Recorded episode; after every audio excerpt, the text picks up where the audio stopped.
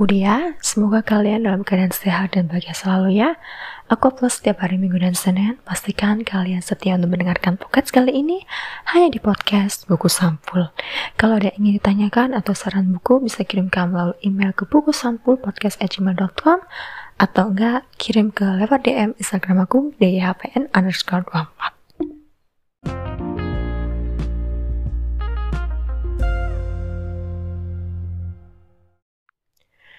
Kali ini aku akan membacakan review buku mengenai diri sendiri atau yourself. Siapa yang sering mendengar kata love yourself? Nah, kali ini aku akan bahas mengenai buku Berdamai dengan Diri Sendiri, Seni Menerima Diri Apa Adanya oleh Mutia Sayekti. Penasaran? Langsung aja yuk kita bahas.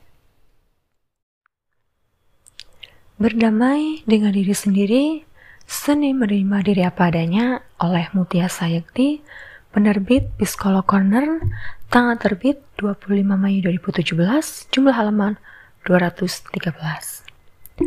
Sinopsisnya, mengapa diri sendiri? Sebab dia adalah musuh terhebat manusia. Dia terbilang sulit untuk dilakalahkan.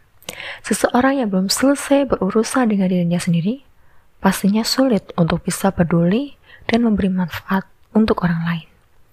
Tidak percaya?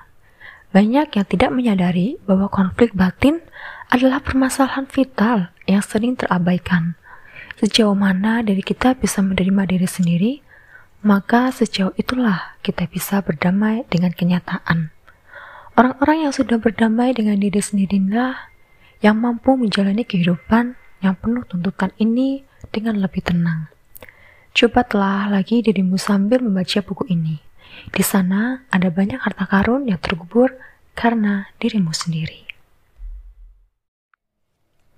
Oke, okay, kalau untuk aku sendiri adalah berdamai dengan diri sendiri. Mungkin kalimat di sini terbilang gampang untuk diucapkan, tapi realitanya susah diterapkan. Benar atau enggak? Pasti akan ada orang bilang seperti itu kan? Ya memang berdamai dengan diri sendiri itu adalah hal yang sangat sulit. Apalagi kalau misal orang tersebut itu belum bisa melupakan masa lalu atau belum bisa untuk uh, berdamai dengan masa lalunya seperti itu ya. Tapi bagi setiap orang yang memang belum tahu tentang dirinya sendiri, pasti ada di dalam dirinya masih selalu bertanya, kenapa sih hal ini di aku? Itu ya. Atau kenapa sih hal ini terjadi sama aku? Kenapa? Gitu kan dan aku paham problema setiap orang pasti itu berbeda-beda. Dan tidak semua orang bisa ada di posisi itu. Aku yakin. Dan kita tidak bisa memaksakan orang tersebut untuk cepat berdamai dengan dirinya sendiri itu akan sangat sulit. Karena itu uh, butuh proses gitu ya. Butuh waktu. Tapi yang perlu kita tahu adalah pada dasarnya apa yang ada di dalam diri kita itulah kita. Kita wajib untuk bisa belajar, untuk bisa nggak mudah menyerah, nggak mudah pantang menyerah, tetap semangat karena dunia ini tuh kita tidak ada pada satu titik saja. Tapi kita harus tetap keep the forward ya kita nggak boleh nih kayak berdiam di sini merenung melamun gitu ya kita butuh uh, move on gitu. Kita butuh move gitu. Untuk ke depannya seperti apa kita? Kita mau bagaimana gitu kan? Jadi um, kalau menurut aku kita nggak bisa harus diam untuk merenungkan bagaimana kenapa sih kita? Kita tetap harus bisa move on untuk hal tersebut apa yang kita alamin apa yang kita laluin. Ya memang semuanya itu tidak mudah ya itu butuh proses dan butuh waktu. Karena berdamai dengan diri sendiri itu adalah uh, proses yang nggak mudah gitu, proses yang tidak mudah apa yang orang katakan seperti itu ya. Dan mungkin problema orang yang aku lihat kebanyakan ini adalah lebih ke arah body shaming. Nah, siapa yang di sini sering bully orang tentang body shaming? Nah, mulai hari ini kurangin hal itu ya. Karena bukan semata-mata karena ah kamu baperan deh. Ah kamu baper. Karena aku cuma bercanda gitu. Bukan masalah baper atau bercanda gitu ya. Karena setiap orang atau setiap uh, mental seorang itu pasti berbeda-beda. Mungkin ada yang bilang uh, ih kamu gendutan deh. Ih kamu kurusan. Ih kok kamu kok hitam? Ih kok kamu kok jelek mungkin kalau orang yang mentalnya kuat dia bakal ah bodo amat. Ah biasa aja gitu ya. Tapi kalau mentalnya dia nggak kuat kayak mungkin uh, langsung baperan gimana dong? Nah itu harus kurangin hal itu karena setiap orang yang kamu uh, ucapkan seperti itu belum tentu dia harus dia belum tentu bisa menerima hal itu itu loh.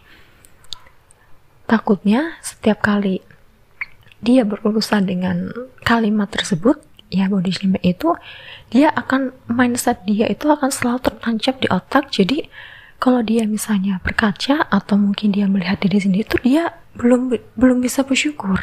Karena apa yang ada dirinya itu orang lain bisa melihatnya. Seperti itu. Uh, kalau menurut aku sendiri meskipun orang yang mentalnya kuat atau enggak ya tergantung orang masing-masing benar tergantung orang masing-masing bagaimana dia bisa uh, mau menerima atau atau enggak atau menolak seperti itu loh. Mungkin ada yang bilang mungkin ada yang uh, berkata kamu kok kurusan kamu kok gendutan mungkin ada yang bisa menerima kayak ya oke okay lah I'm, I'm, I'm fine gitu ya. Cuman kalau misalnya dia nggak bisa nggak bisa menerima alias menolak bagaimana gitu kan? Jadi dalam mindsetnya dia tuh dia belum bisa berdamai dengan diri sendiri. Dia selalu merasa kurang seperti itu. Selalu merasa dirinya itu kurang nggak sempurna gitu. Karena ya pasti aku tahu manusia itu nggak ada yang sempurna seperti itu ya. Nah uh, tapi uh, percayalah semakin kamu dengar perkataan itu semakin kuat uh, mental yang kamu uh, mental yang ada di yang ada di diri kamu seperti ya. Artinya hati mata kuping kamu itu sudah tangguh dan I know everybody not perfect ya. Cantik cantiknya orang tersebut sehebat hebatnya orang tersebut sepintar pintarnya orang tersebut pasti akan ada kekurangan di dalam dirinya dan orang lain yang melihat tidak tahu akan hal tersebut. Bisa dipastikan tidak selalu sempurna apa yang kita lihat dari orang lain. Gak perlu merasa iri, insecure dengan kelebihan orang. Kamu pasti uh, mempunyai kelebihan sendiri itu. Meskipun orang lain mengejek kamu tentang body shaming kamu, pasti di lain itu kamu punya kelebihan sendiri Percayalah. Nah, dari situ kamu bisa berdamai dengan dirimu sendiri, oke? Okay? Um, buku yang aku baca kali ini adalah buku yang berperan dalam karakter diri manusia dengan adanya kekurangan maupun kelebihan yang dimilikinya. Bagaimana buku tersebut menjadikan si pembacanya merasa bahwa karakter, potensi, serta kekurangan di dalam dirinya adalah bentuk prinsip untuk berdamai dengan kekurangan dan bisa menerima diri apa adanya. Itu penting ya. Menurut Mike Robbins, dalam bukunya berjudul Be Yourself, berulang kali menyatakan bahwa tiap manusia di dunia ini terlahir otentik. Tidak ada rupa maupun karakter dalam jiwa seseorang yang bisa diduplikat oleh orang lain, sekalipun keduanya adalah kembar identik. Dari sini saya pun berpikir bahwasanya setiap dari kita memiliki kelebihan dan kekurangan yang unik yang tidak dimiliki oleh orang lain. Oke. Okay. Um, jadi kalau untuk diri kita sendiri merasa kita merasa kurang, pasti di dalam diri kita juga pasti ada kelebihan ya kan? Dari kekurangan pasti ada kelebihan. Nggak nggak semua orang itu mempunyai kelebihan. Pasti dalam dirinya pasti ada kekurangan gitu. Oke aku di sini akan bacakan isi buku dari berdamai dengan diri sendiri. Tameng yang bisa digunakan dalam proses pertahanan diri di antaranya adalah kemampuan mengenali kapasitas diri, berdamai dengan dalam menerima kekurangan diri dan berhenti membandingkan diri sendiri dengan orang lain. Di atas semua itu, diperlukan pedoman khusus dalam membentuk pola pikir, mindset semacam itu. Pedoman itu bisa diambil dari kenyataan dalam diri dan menentukan figuritas utama dalam menjalani kehidupan.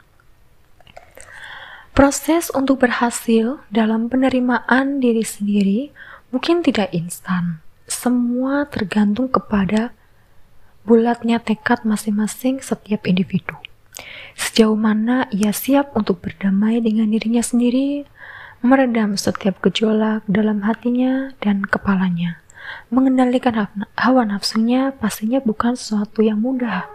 Namun selama ada keinginan yang kuat dalam hati untuk mengubah radikan bebas dalam pikiran dan hati kita, insya Allah kemudian kemudahan untuk berubah pun bukan hanya sekedar angan-angan. Konon seseorang yang antara hati, kepala, ucapan, dan perbuatan tidak ada yang sinkron, maka ia menjuru, menjurus ke arah sifat munafik terlihat sepele tapi mengerikan juga. Kata Mike Robbins, many us, many of us are own world enemies, musuh terbesar dalam kehidupan sebenarnya tidak lain adalah ya diri kita sendiri. Namun di sini saya ingin meluruskan bahwa kenyataan yang mungkin kita anggap buruk bisa jadi merupakan akibat dari pikiran kita dan perbuatan kita. Tetapi jika kenyataan pahit atau kekurangan dalam diri tersebut hadir setelah usaha terbaik sudah kita lakukan, atau mungkin kenyataan itu hadir sudah sejak kita lahir, maka itu bisa kita sebut sebagai nasib atau suratan takdir yang memang sudah ditetapkan oleh Tuhan. Semakin kita merasa tidak percaya diri, semakin habislah uang kita untuk hal semacam itu. Gaji sebesar apa pun tidak terasa cukup. Sendi-sendi kehidupan hidup, tapi lebih kepada gaya hidup. Sampai akhirnya kita lalai pada kaum marginal atau masyarakat kecil, kaum yang terpinggirkan, yang bahkan untuk bisa makan tiga kali sehari saja harus susah payah setengah mati. Pernah ada kutipan menohok yang pernah saya baca. Bunyinya, belajarlah untuk mengontrol dirimu sendiri, sebab kalau tidak, maka orang lain yang akan melakukannya. Ini terbukti betul. Sebab ia tidak percaya dengan dirinya sendiri. Ia tidak benar-benar yakin bahwa dirinya mampu lebih baik untuk mendikari mewujudkan mimpi-mimpinya dalam hidup. Lagi pula, orang-orang hebat tidak tercipta dari segala kenyamanan dan kemudahan hidup. Tapi justru mereka yang sudah biasa terbentur, maka kelak orang-orang itulah yang akan terbentuk. Sebab kualitas daya juangnya berbeda. Mereka yang sudah biasa dihantam kesulitan dan kegagalan pastinya tidak akan mudah terpuruk ketika mendapat kenyataan pahit. Mereka pun tidak akan cepat puas ketika sudah mendapati suatu keberhasilan. Masih dalam buku Mike Robbins, Be Yourself, tertulis bahwa orang-orang yang jarang bahkan belum pernah mendapat apresiasi atas kesuksesan ini semakin mudah untuk menjadi palsu di hadapan publik. Orang-orang yang butuh penerimaan dari orang lain secara keterlaluan, berlahan tapi pasti akan lupa pada penerimaan semesta kepadanya. Didasari atau tidak, Orang-orang yang terlalu mengimitasi bahkan hal dari orang lain membuat dirinya terkubur dalam sesuatu yang homogen atau menunjukkan bahwa suatu hal tersebut adalah sama baik sifatnya secara massal hingga akhirnya diri kita tidak lagi menjadi otentik dan unik karena terlalu banyak ingin meniru orang lain karena ingin mendapatkan apresiasi dan penerimaan orang lain. Menurut Prabu Kanendra, dalam bukunya berjudul Temukan Siapa Kamu dan Apa Potensimu, ditulis bahwa ketidakmampuan menentukan keinginan dari diri sendiri dan terlalu bergantung pada pilihan banyak orang merupakan awal dari ketidakbahagiaan seseorang. Untuk itulah mengapa sesekali kita tidak perlu ambil pusing dengan apa yang orang lain katakan tentang kita, tentang sesuatu yang bagi mereka adalah sebuah kekurangan, tentang sesuatu yang mungkin mereka sudah menjadi kodrat bagi kita tapi terlalu dipusingkan oleh mereka. Kita berhak untuk menentukan apa yang ingin kita lakukan, bukan dia ataupun mereka. Untuk itu, terimalah kekuranganmu baik secara fisik maupun psikis. Psikis cukup kendalikan dengan baik tanpa perlu ditutupi atau diubah menjadi sesuatu yang not the real you. Berdamailah dengan kenyataan, sebab segala kekurangan yang kita miliki sebenarnya adalah bentuk kasih sayang darinya. Perjalanan hidup ini memang tidak selalu mulus. Sudah pasti banyak lubang dan tikungan yang siap mengancam keselamatan kita. Jangan takut jatuh atau terpleset. Sekali lagi, monetaris perjalanan kehidupan sudah diberikan Tuhan ke tangan kita. Tinggal kita sendiri yang ingin bagaimana mengelolanya. Maka dari itu, jangan sedih apabila bagian hidup yang membersamaimu adalah bagian-bagian yang pahit, penuh luka, dan air mata di sana banyak orang lahir kembali dengan jiwa yang lebih bijaksana. Dari bagian itu pula banyak orang yang tangguh, besar hatinya, bukan kepalanya. Maka kita syukuri bersama setiap kekurangan yang digariskan olehnya dalam hidup kita, sebab dia maha mengetahui bahwasanya kita tidak boleh manja jika benar-benar ingin sukses. Sudah pasti sang penulis skenario kehidupan menginginkan kita untuk hebat melalui jalan yang sangat tidak mulus. Hidup di dunia ini kita lakoni secukupnya. Tidak perlu ngoyo dan berlebihan. Kalau memang peran kita cukup 35%, ya lakukan sesuai porsinya saja. Tidak perlu terlalu memaksakan diri untuk mengerjakan semuanya hanya demi ingin terlihat sempurna di mata orang. Kasihan yang lain, nanti malah tidak kebagian peran seperti itu. Jika pikiran kita sudah tertanam prinsip untuk berdamai dengan kekurangan, maka tidak sulit bagi kita untuk bisa menerima diri sendiri atau self-expansion. Untuk sekedar taman pula, identitas diri kita tidak terdefinisi dari label yang menempel pada kita. Siapa kita sebenarnya dan seperti apa karakter kita tidak bisa dilihat dari mana kita berasal. Dari dulu kita kuliah, pekerjaan apa yang kita lakukan, dan lain sebagainya. Ingat, itu semua hanya label yang diberikan oleh orang lain untuk kita. Tapi yang jauh lebih paham tentang siapa kita adalah Tuhan dan diri kita sendiri. Memang terlihat panjang, sulit, dan menjemukan. Tidak semua orang berhasil dan tuntas dalam melewatinya, tapi semua itu bukan sesuatu yang mustahil untuk dilakukan. Orang-orang yang sudah berhasil untuk memperkuat identitas dan jati dirinya maka sudah tidak ada alasan lagi baginya untuk tidak berdamai dengan kenyataan. Tentang penulis, Mutia Sayakti lahir di Semarang tanggal 12 Desember 1993 dan terdidik di kota kecil bernama Surakarta, lulusan sastra Inggris Universitas 11 Maret, UNS Solo ini sudah menyukai dunia bahasa, baik secara lisan maupun tulisan sejak kecil. Ia pernah dinobatkan sebagai mahasiswa berprestasi Fakultas Sastra UNS, UNS, dan sempat mendapatkan kesempatan untuk belajar tentang mass media dalam program Genesis 2.0 di Tokyo dan Kobe, Jepang. Saat buku ini ditulis, ia masih menjadi pengajar bahasa di sebuah sekolah swasta di sebuah desa di daerah Juwiring, Klaten, Jawa Tengah.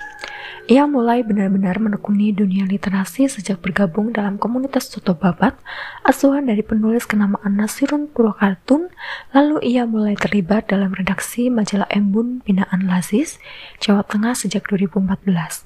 Tulisan antologi pertamanya pernah dimuat dalam buku Mengeja Cahaya Surga, dan selanjutnya menjadi penulis dalam serial Cahaya terbitan Rubaiyat.